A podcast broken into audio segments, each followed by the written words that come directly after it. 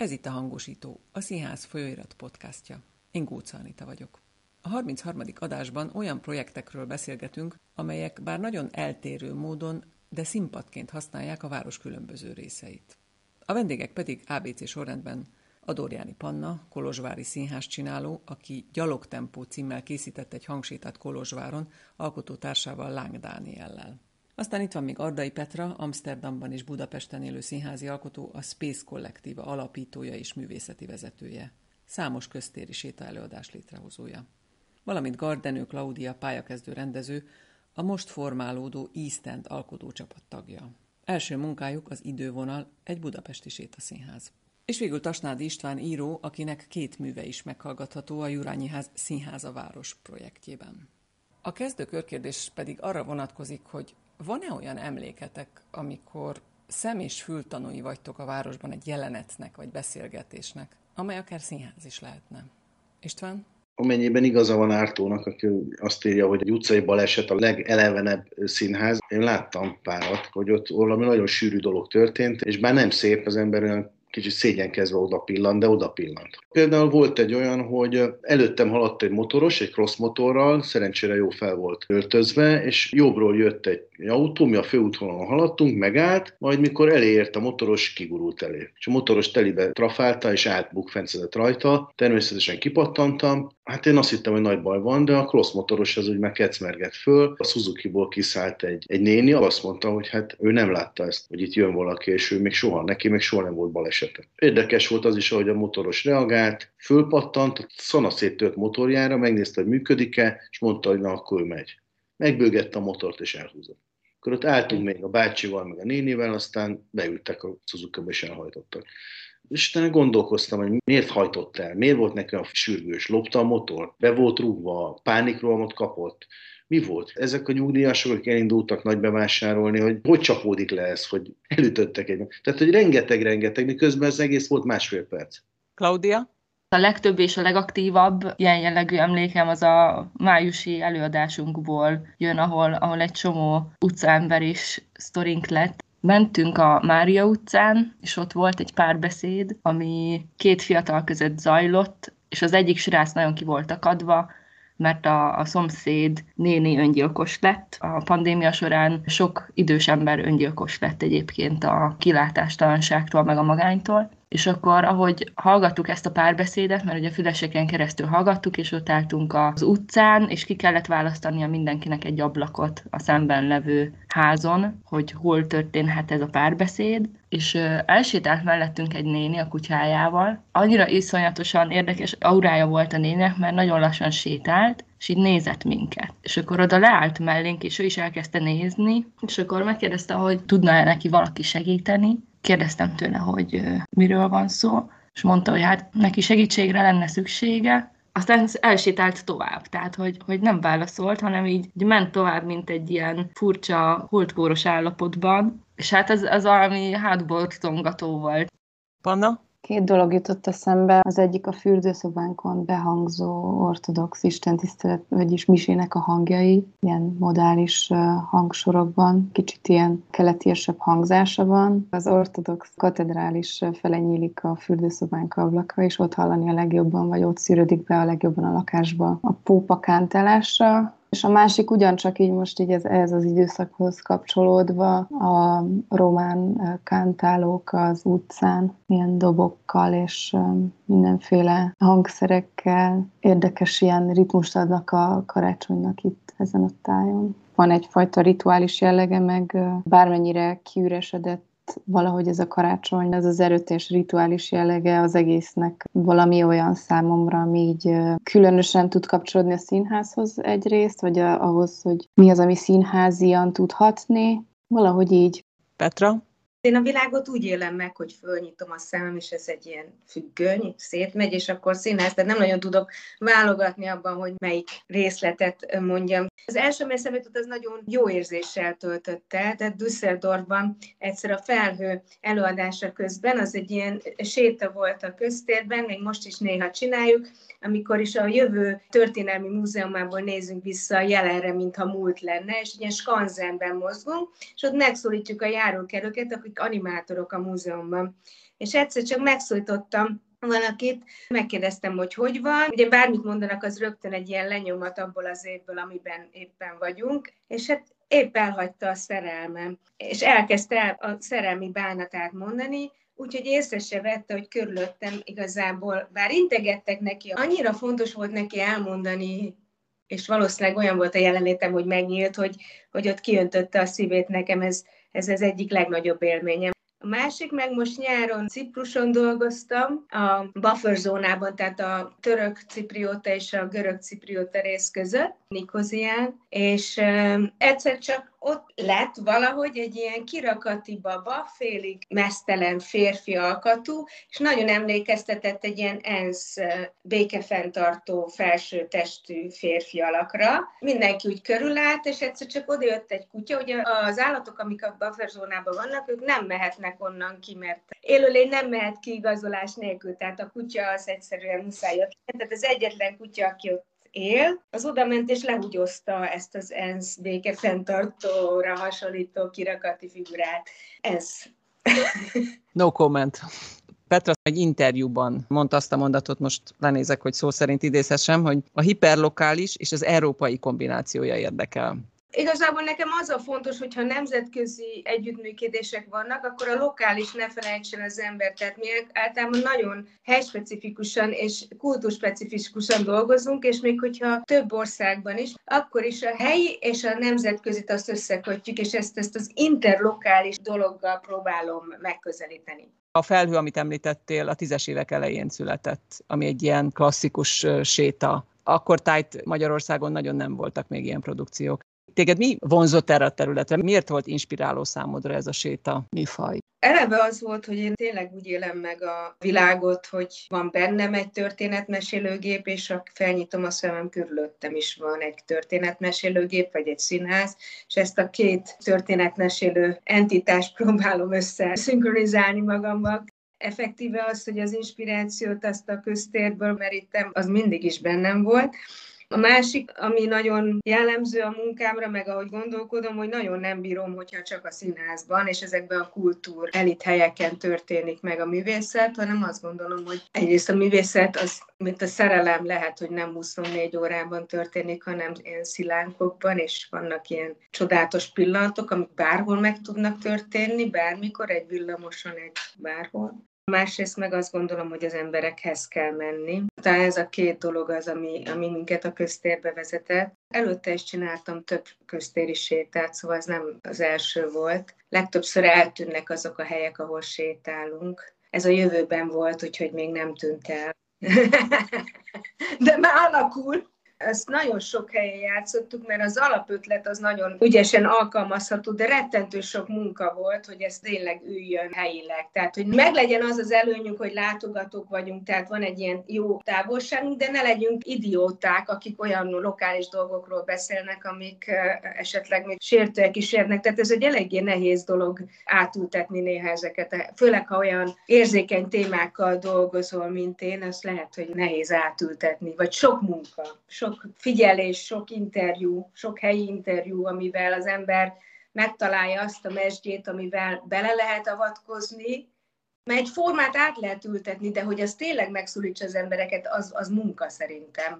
Annyit azért áruljuk el, hogy volt egy előre megírt szöveg, de az csak egy váz, amihez ugye ott a séta közben társultak szóval jelenetek egy alapszöveget, mint a múzeumban a tárlatvezető hangja volt a felhő, és az volt megvágva élő interakcióval, tehát ment a fülesben a tárlatvezetés, és közben voltak az interaktív jelentek, de az előre megírt rész és fölvett rész, az is ilyen modulokban volt, és úgy volt megvágva, hogy amerre ment a sétra, arra üljön. Tehát volt egy alapötlet, hogy lesz benne egy olyan rész, ahol van egy templom, lesz benne egy olyan rész, ahol van egy tér. Tehát volt egy fölépítése, de és az is még minden alkalommal újra volt vágva. Budapesten, Miskolcon minden újra volt vágva, a szigeten, az útvonalra. És persze az interakció az pedig az, amikor megszólítod a másikat, de az, az utcán lévőket, és az bele kellett akkor kötni abba, amit én tudtam, hogy melyik rész jön utána. Volt bármi olyan, ahol, olyan pont, ahol volt ilyen aha élményed, hogy na ezért jó ez a városi séta? Tehát amikor olyan történik, ami nem történhet máskor.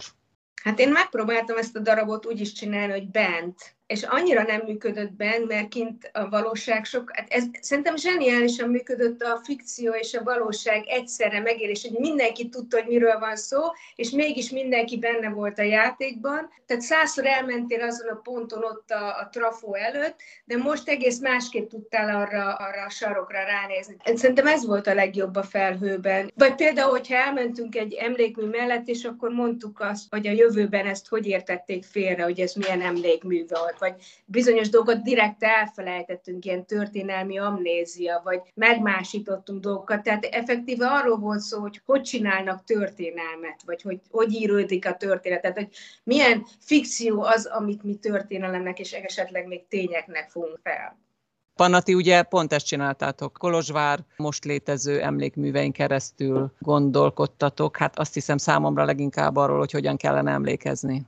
A séta, ez tulajdonképpen egy dialógus köztem és Láng Daniel között, akivel együtt sétálunk, és akivel együtt csináltuk ezt a munkát. A kiinduló pontunk az a mi közös sétáink voltak, és ezzel kapcsolatban a különféle gyűlöletbeszéd megjelenései az emlékállításban a városban. Ezt a témát tágítottuk ki, hogy egyre többet sétáltunk, meg egyre többet beszélgettünk, és ezzel párhuzamosan elkezdtünk olvasni is az emlékállításról Kolozsváron. És ami igazán izgalmas, az tulajdonképpen ugye a sok hatalomváltás és határmozgatás pillanatai, és a politikai változások, amelyek mindig valamilyen nagyon erőteljes újraírással, valaminek a letakarásával, leszedésével, új dolgok állításával, és nagyon érdekes megfigyelni ezt a 20. századot, többnyire erre fókuszáltunk. És akkor így kerültek be aztán a sétába olyan emlékművek, amelyek már nincsenek, már nem láthatók, és olyan emlékművek, amelyek még nem láthatók. Tehát, hogy próbáltunk egy picit így időutazni. Hát azt nem tudom, most egy picit gondolkoztam azon, hogy ez így értelmezhető -e ez az anyag, anélkül, hogy az ember ott van és sétál közben. Ezt most lehet, hogy te mond, tudod megmondani, aki... Igen, pont akartam mondani, hogy szerintem abszolút. Egyrészt nagyon nehéz tehát nyilván egy csomószor az ember elkezd googlizni, de adott esetben ezt ott is megteheti, ugye amikor sétál. Amikor ti ezt élőben csináltátok, akkor is magányos séták voltak ezek, ugye? Tehát ti odaadtátok a fülest, és mindenki ment maga egyedül az úton. Igen, ez volt a koncepció, ami minden értelemben mindig működni fog, mert azért annyira durva lockdown most nincs, hogy ne lehessen sétálni.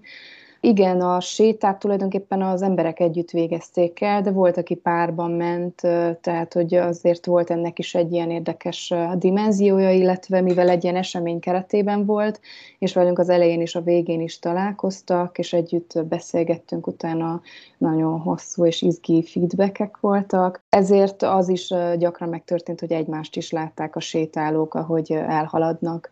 A koncepció az az, hogy beteszed a füledbe a hanganyagot, és végig sétál állsz vele, elvileg nem kell megállítanod csak, hogyha mondjuk így úgy vált éppen a zöld. Emiatt pontosan akkor a szabadsága is volt az embereknek, hogy volt, aki a közepén megállt és kávézott egyet, vagy megevédelt, vagy nem tudom, hazaugrott az esernyőjéért, és utána folytatta. Volt olyan visszajelzés, amely arról tanúskodott, hogy tényleg átértékelődhettek bizonyos feliratok, mondjuk egész konkrétan, meg szoborrészletek? Ez bennem egyébként egy nagyon nagy kérdés, hogy mennyire tudatosan használja az emberek többsége a teret, vagy mennyire tudatosan létezik a városi térben. Nagyon-nagyon sok izgalmas visszajelzés volt, és igazából egy picit ez is volt a lényeg, hogy átrajzoljuk a várost, és most lehet, hogy így spoilerezek, de próbáltunk így több etnikumot lefedni, és akkor a múltból kezdtük a zsidó kultúrával, és a jövő az tulajdonképpen a roma kultúra reprezentációja fele haladt, ami bár számottevő kisebbség a városban szinte semmilyen módon nincsen reprezentálva. Egy ilyen elég tragikus kilakoltatási történettel zárul a séta. Az egyik ilyen sokak által kiemelt pillanat, amikor a Mátyás szobra mögött ülünk Danival a hangfelvételen, és arról ábrándozunk, hogy hátulról a, a kicsit a Mátyás haja olyan, mint hogyha egy nő volna, és, és akkor hirtelen megpróbáljuk elképzelni, hogy, hogy ott egy nő ül a Kolozsvár főterén, és végül úgy döntünk, hogy nem nézzük meg előről a szobrot, hogy nehogy kiderüljön, hogy mégiscsak férfi. És azt hiszem, hogy ez volt az a pont, ami a számomra a legérzékenyebb és legrevelatívabb pillanat, és nagyon sokak számára nagyon felemelő volt, és nagyon izgalmas, és persze tehát egyáltalán az a felismerés, ami ott történt meg bennünk is, hogy de várjunk csak, vannak-e női szobrok, emléktáblák nőkről.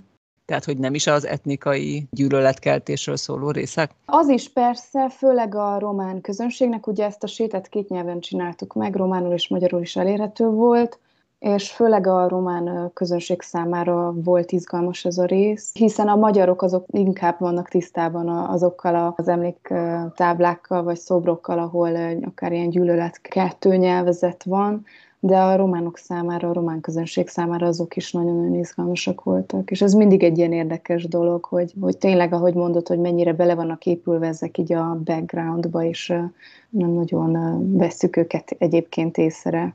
A jövőjét ennek a sétának nem lehet tudni, ugye? Hát igen, itt jön az a síralmas helyzet. Egyrészt most ugye a járvány nagyon lelohasztotta a nem állami intézmények működését, és ez is egy olyan fesztiválon történt, aminek egyáltalán a jövője, az intézmény jövője, aki koproducer volt a Kolozsvári Ecsetgyár, teljesen bizonytalan, ez nekem rettentő nagy szívfájdalmam, hogy, hogy ez mindig egy ilyen nagyon nehéz kérdés, hogy hogyan élnek meg ezek a projektek. Vannak terveink rá, vannak érdeklődő partnerek, rengeteg munkát kell beletenni, hogy ez aztán megint létrejöjjön. Bogdán Zenke a producer ennek a munkának, és ő vele dolgozunk. Ezt többnyire így hobbiból toljuk, amennyi időnk van rá. Esetleg olyan reakció nem jött, hogy kinek-kinek eszébe jutottak más városok, más feliratok? Egyöntetű vélemény volt, hogy ez bármilyen városban megcsinálható, hogy ez egy tulajdonképpen egy olyan forma, amit tovább lehetne vinni, ahogyan az is, hogy milyen jó volna, hogyha a város maga akarna ilyen sétákat, tematikus sétákat csinálni. Igen. Claudia, a ti sétátok konkrétan kapcsolódik tematikájában is a COVID-hoz. Ez a projekt inkább időspecifikus volt, olyan szempontból, hogy májusban volt aktuális, és akkor májusban játszottuk is több hétvégén át, és minden nap három csoport mehetett, mert viszonylag limitált számban jöhettek az emberek, tehát egy csoportban tíz ember sétálhatott. Ez egy kétórás vezetett séta volt, és hát így mondhatnám azt is, hogy olyan, mint hogyha így a két szék között is párgáztunk volna, hogy nem volt egyértelműen sétálőadás, de színházi előadás sem. És bizonyos pontokon inkább az egyik, inkább a másik volt egy alapnarráció. A narrátor a füleseken keresztül vezette végig az embereket a városon. Iszonyat nehéz munka volt egyébként alapvetően az, hogy milyen elektronikai eszköz alkalmas arra, hogy a tíz embernek egyszerre szóljon ugyanaz, mert hogyha valakinél akár 5 másodperccel később szól, hát akkor nem működik. Addig, amíg eljutottunk a lokáció alapú felülettől a túra készülékekig, az egy elég nagy út volt, Ugye három csoportban voltak az emberek, és a csoportok fél óránként indultak. Vezettük a nézőket a narrációkkal, és bizonyos pontokon jöttek színészek, és akkor jelenetek voltak a városban, a villamoson, háztetőn, Boráros téren, vagy volt játék például a 32-esek terén egy installációval, amire egyébként több mint 300 ember írt a cetlire, mert az volt a téma, hogy így írjanak egy mondatot, amit ebből az időszakból szívesen leraknának, valamit, amit megosztanának másokkal, és hát az ott volt egy hónapon keresztül végig. Voltak zenészek a villamoson, vagy volt egy rezes fúvós banda a Kazinci utcában, a Pszichológiai Intézet előtt az volt az utolsó állomás, tehát hogy nem volt annyira szabad séta, mint amennyire egyébként talán lehetett volna. Tehát a formája színházi volt alapvetően, hogy így valahogy közösen találkozzunk emberekkel, és hosszú idő után először egy csoportként idegenekkel részt vegyünk egy színházi előadáson, ami a jelenünkről szól, és hát az aktuális város állapotát erősen tükrözte. Tehát azok a jelenségek, amivel a Boráros téren találkoztunk, vagy a 32-esek terén, az nagyon specifikus volt erre az időszakra. Most, hogyha megcsinálnánk, már nem ezt jelenteni. Az, hogy milyen emberekkel és milyen formában találkoztunk mi sétáló tömegként. Szerinted ez most annyira más lenne?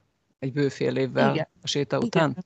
Igen, kicsit más. Szóval alapvetően az egész városnak a légköre. Azokon a hétvégéken nyitottak Igen. újra a kocsmák. 2021 májusában vagyunk. Igen, vagy aztán a szórakozó helyek később. Tehát a, a nagyon üres városból, ami egy ilyen mauzóleum-szerű furcsa állapot volt, lett egy ilyen egészen bizarr módon pesgő hely vagy akkor még nem lehetett bent ülni, és a Mixát téren hirtelen óriási tömegek kezdtek el kint ülni. Pont azon a szombaton sétáltunk, és az volt az egyik legproblémásabb, de szerintem legérdekesebb hétvége, amikor a Stimplát is újra nyitották, és óriási sor állt a Stimpla előtt, ott végig az egész Kazinci utcán a hangulat, azok az állapotok nagyon specifikusak voltak, amikor a sok ember hirtelen hónapok után így kiszabadul és akar menni bulizni, és akkor mi mellettük ott sétálgatunk, és egzisztenciális kérdéseken gondolkodunk. A visszajelzések alapján, meg nekem személyesen is ez egy iszonyatosan fontos projekt volt,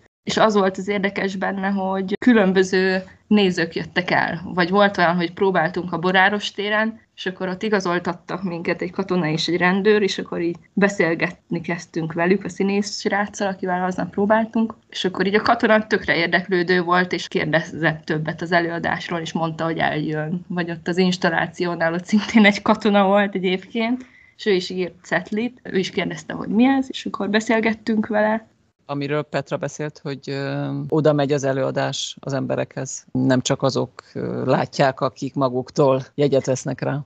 Igen, igen, vagy hát például amikor néhány jelenet az nem csak nekünk szólt, de az ugyanúgy a többi embernek is szólt a városban. Az installáció, vagy akár amikor a néhány konzis barátom játszották a Most múlik pontosan a villamoson, és hát az ott az egész villamosnak szólt, és akkor vicces volt, mert a turisták csomószor kamerázták, a legnagyobb sztereotípiák kb. megtörténtek. Olyan is volt, hogy, hogy így elkezdtek az emberek pénzt adni neki. Az úgy felderítette az embereket alapvetően. Azt hiszem, hogy ez egy közösségi élmény volt, és ez volt a legfontosabb része ennek a projektnek. Te egyébként korábban is eljátszottál a sétaszínház gondolatával, vagy ez tényleg a helyzet adta a Covid?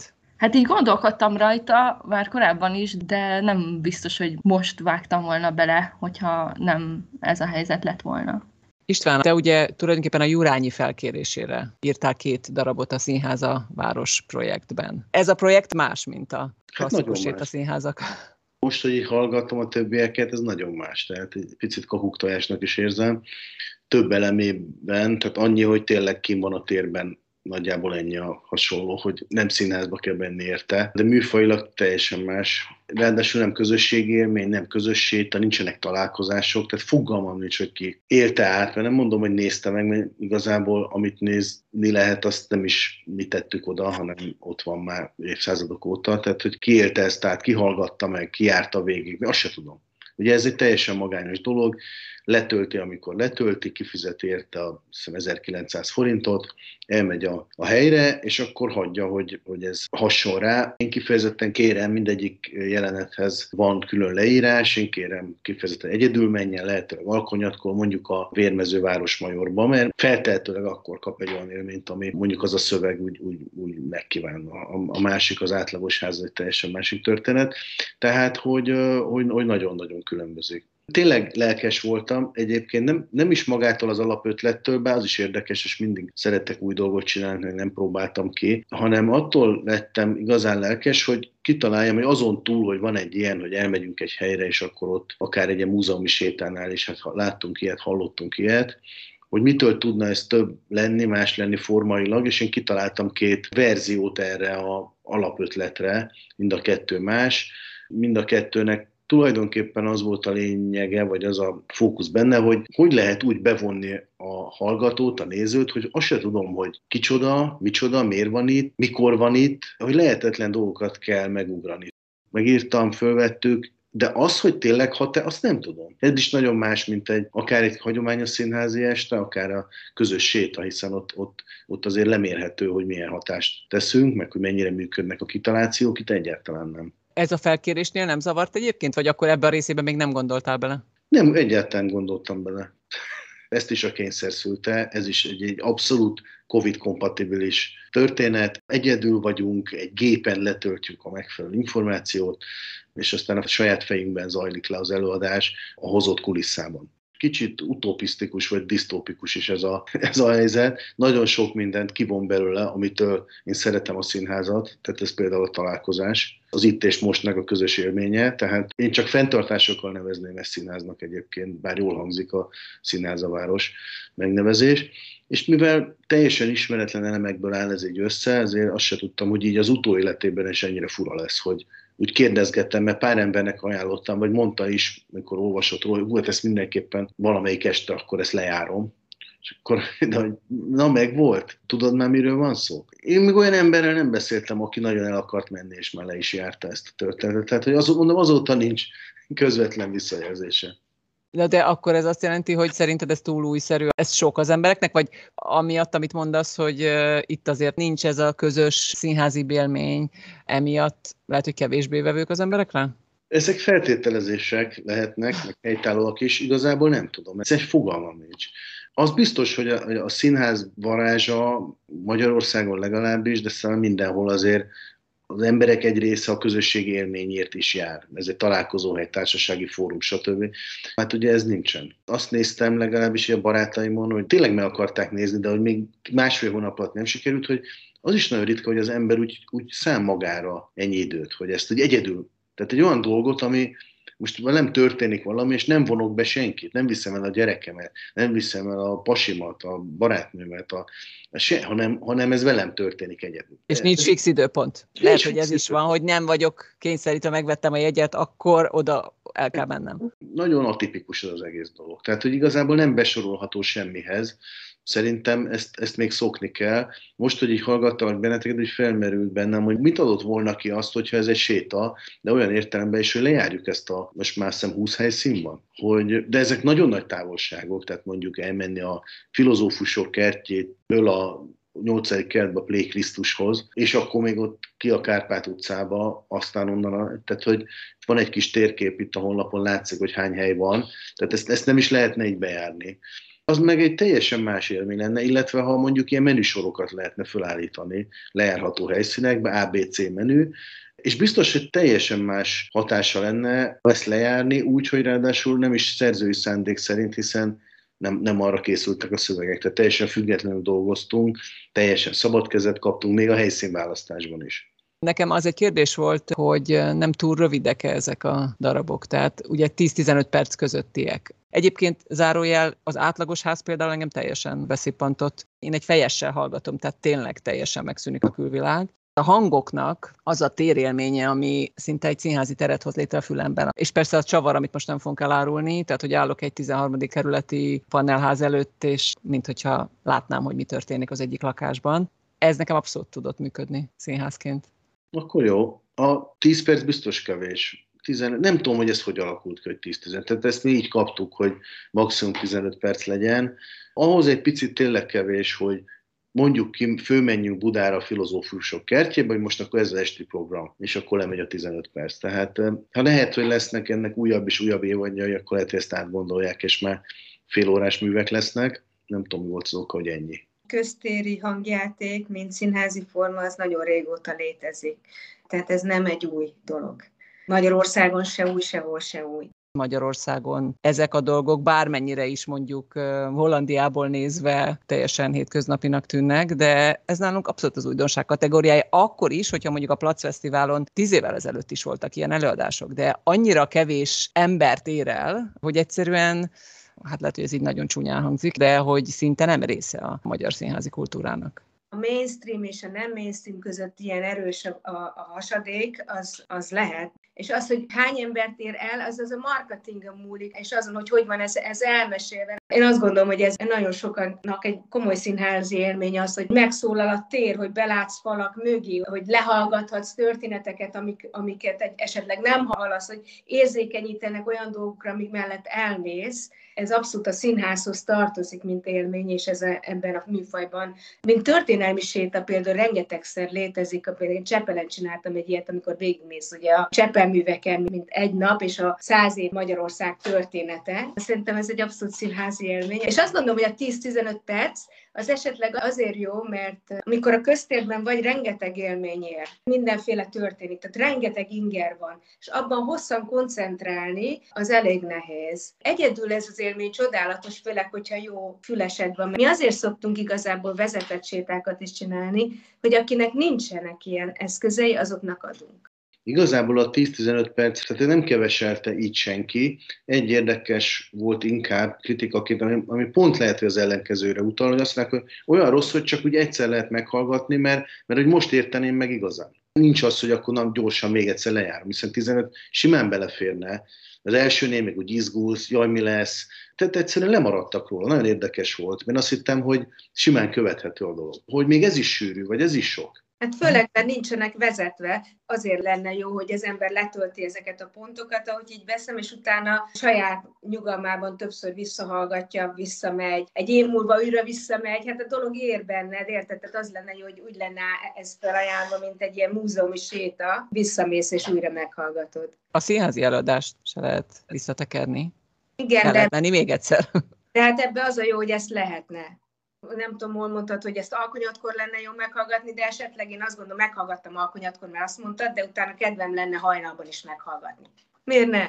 Jó lenne, hogy a, aki ezt választotta, és ezt kifizette, az az övé lenne, én nem tudom meddig. Ne, de ezt Meghallgatná így úgy, vegyítené, csinálna maga, a kis, maga egy kis útvonaltervet. Szerintem ebben rengeteg van még, amit még nem csinálunk, de lehetne. Csak azt akartam mondani, hogy én majd elmegyek erre a sétára, hogyha kiszabadulok a karanténból, mert hogy nagyon kíváncsi vagyok erre a műfajra. Azért is, mert mi is ezen nagyon sokat gondolkodunk, és a jelenlegi projektünk, ami szintén egy egyfős séta, Szóval ez az egyik legnagyobb kérdés, hogy hogyan lehet ezt mégis esemény számmá tenni. Ez a 10 perc abszolút ideális szerintem. A ma embere nem is biztos, hogy tud többet figyelni úgy, hogy így elsétálok valahova, és akkor vannak zavaró körülmények, meg nem tudom. Pláne úgy, hogy ugye füles van csak. Jobban figyelni kell, hogyha csak hangzóanyag van, és egy kis idő eltelik, amíg rááll az agyam. Úgy, hogy igazából a lustaság se legyen faktor, de a lustaság nem rossz értelemben, hanem olyan értelemben, hogy hát mégiscsak macerásabb, mert akkor fel kell menni, meg kell keresni, le kell tölteni, jaj, hogy működik. Van egy csomó olyan extra dolog, ami egy színházi előadással nincs. Bemegyek, megveszem egyet, és leülök. Ösztönözni kell az embereket, vagy motiválni. Ezen gondolkodni kell így nekünk szerintem sokat például ezt egy mobil applikációban, ilyen GPS triggerpontokban kéne odaadni a nézőknek, hogy sétálsz a városban, és itt és ott rász, és ott pont ott szabadulna fel ez a történet ezelőtt a panelház előtt, és azt meghallgatod. Tehát ugye a helyszínhez kötném. Aztán elmennék, és aztán mindig ott azon a ponton ez a történet felszabadulna a telefonomban online, offline egyszerre, egy ilyen térképpel, ahol, ahol a város nekem mesél, hát azt én egyből megvenném. Meghúzod a határt, mert ott és azon a helyen szabadul fel olyan kondíciók alatt, ahogy te akarod, de az, hogy mikor megy és mennyit megy az ember menne, és hogy visszamegy, azt, azt, azt, azt szabadon hagynád. Mi most egyébként pont egy ilyen dolgot fejlesztünk ezzel a lokáció alapú web felülettel, de hogy ott is ugyanúgy felmerül a kérdés, mert hogy igen, mi ezt valószínűleg mindjárt azonnal megvennénk, de hogy hogyan lehet motiválni az embereket. Alapvetően mégiscsak valószínűleg ugyanahoz a szűk körhöz fog eljutni, úgyhogy közben simán lehetne az, hogy sokkal több embert érdekel, csak hogyan tudjuk őket elérni.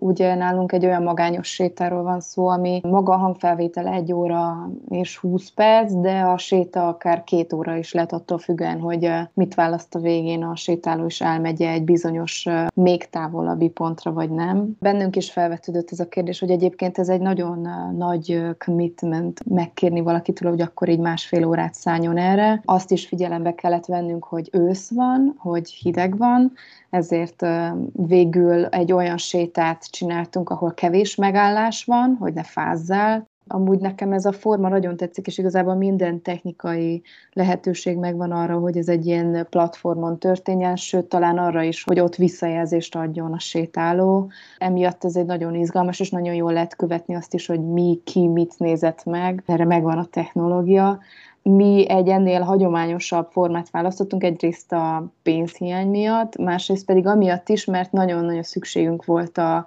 a részletes feedbackre, és ezért úgy terveztük meg, hogy volt egy időintervallum, amikor be lehetett jelentkezni a sétára, ezért minden sétálóval találkoztunk, akkor is, amikor elment, és akkor is, amikor visszajött. Volt egy vendégkönyv, amiben lehetett üzenetet hagyni, de igazából gyakran hosszú beszélgetéseket is folytattunk le, és az nagyon jó volt, olyan szempontból is, mert valóságos visszajelzést kapsz arra, hogy, hogy ez így tényleg hogy történt, és hogy hogyan működik, tehát lehet úgymond tesztelni is azt, hogy mi az, ami működő, és mi az, ami nehéz, hogyan lehet ezt fejleszteni. Mi szempontunkból, az én szempontomból nagyon fontos az, hogy ez, ezért ne kelljen fizetni, hanem muszáj, hogy fizessék ki a mi munkánkat, de lehessen ingyen sétálni. Ez azt hiszem, hogy ezeknél a formáknál lehet, hogy azért is tud fontos lenni, mert, mert tényleg egy kicsit idegenszerűek, és hát fú, most ezt így csak így bedobom, de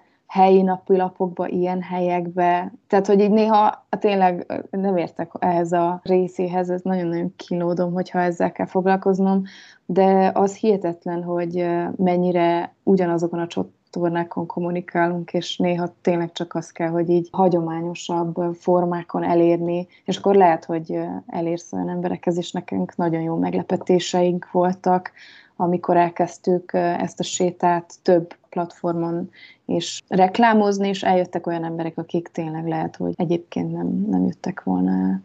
Tetra, neked erről mondjuk hollandiai tapasztalataid vannak? Hogy hogyan lehet? Milyen marketing az, amivel meg lehet szólítani az embereket? Hát például ezeket a, a köztéri sétákat nagyon könnyen lehet kötni a turista applikációkhoz, tehát Amsterdam, Róma, Budapest, és a sok szar mellett ott lenne egy olyan, hogy Budapest másképp például. És minden hotelben lehetne árulni. Ha az ember nem ezekben a kategóriákban gondolkozik, hogy ez most igazi színház, ez nem igazi színház, ez igazi irodalom, ez nem igazi irodalom, a pillanatban felszabadul egy csomó kapacitás arra, hogy hogyan is lehet ezt a történetet közelebb vinni az emberekhez. Mert azt hiszem, hogy ki vannak éhezve a történetekre, ki vannak éhezve hogy hozzájuk szóljon a köztér, és, és, és úgy szóljon hozzá, hogy ahogy egy író megszólítja őket, vagy valaki a történelemről, vagy, vagy más mesél. Szóval, hogy meg kell találni az útvonalakat. Egész mást akartam még mondani. Én csináltam egy darabot a Szabó Rékával, a Közhely volt a címe, ott a Moszkva teret, annó még Moszkva tér, pont még Moszkva tér, figyeltük meg egy hónapon át. Ott éltünk a téren, és utána megpróbáltuk, ugye egy perc a téren az olyan sűrű, hogy nem tudod, hogy mi történik egy perc alatt, de megpróbáltuk egy percet a térről rekonstruálni benne a trafóban. Ez volt a közhely. De ez érdekes, hogy, hogy az, hogy működik egy nézőben, mert ugye ők bejönnek, akkor, és akkor rájöttek, hogy ez a Moszkva tér. Felismerik a Moszkva teret, és egy percét miközben nézik az előadást. Tehát, hogy effektíve mikor vagy a köztéren, és mikor nem, és hogy mikor tradicionális egy színház, és mikor nem, csak ezt akartam így eh, megpedzeni meg ugye a vizuális művészetekből is egy csomó minden megy a performance felé, tehát az átfedések a különböző művészeti ágak között igen, kicsit más, mint a tradicionális színház, de, de ezek az átfedések más irányokból, a momén keresztül, bár ez rengeteg minden van Magyarországon, Budapesten én is azt látom a nézőkkel való találkozásban, hogy nekik egyébként tök mindegy, hogy most ez színház vagy rádió hangjáték, hogy mi, hogyha neki egy jó élmény. És egy picit azt hiszem, hogy így a járvány kontextusában én is egy kicsit dilemmáztam ezen, hogy akkor ez most így színház, amit csinálunk, és aztán rájöttem, hogy nem mindegy.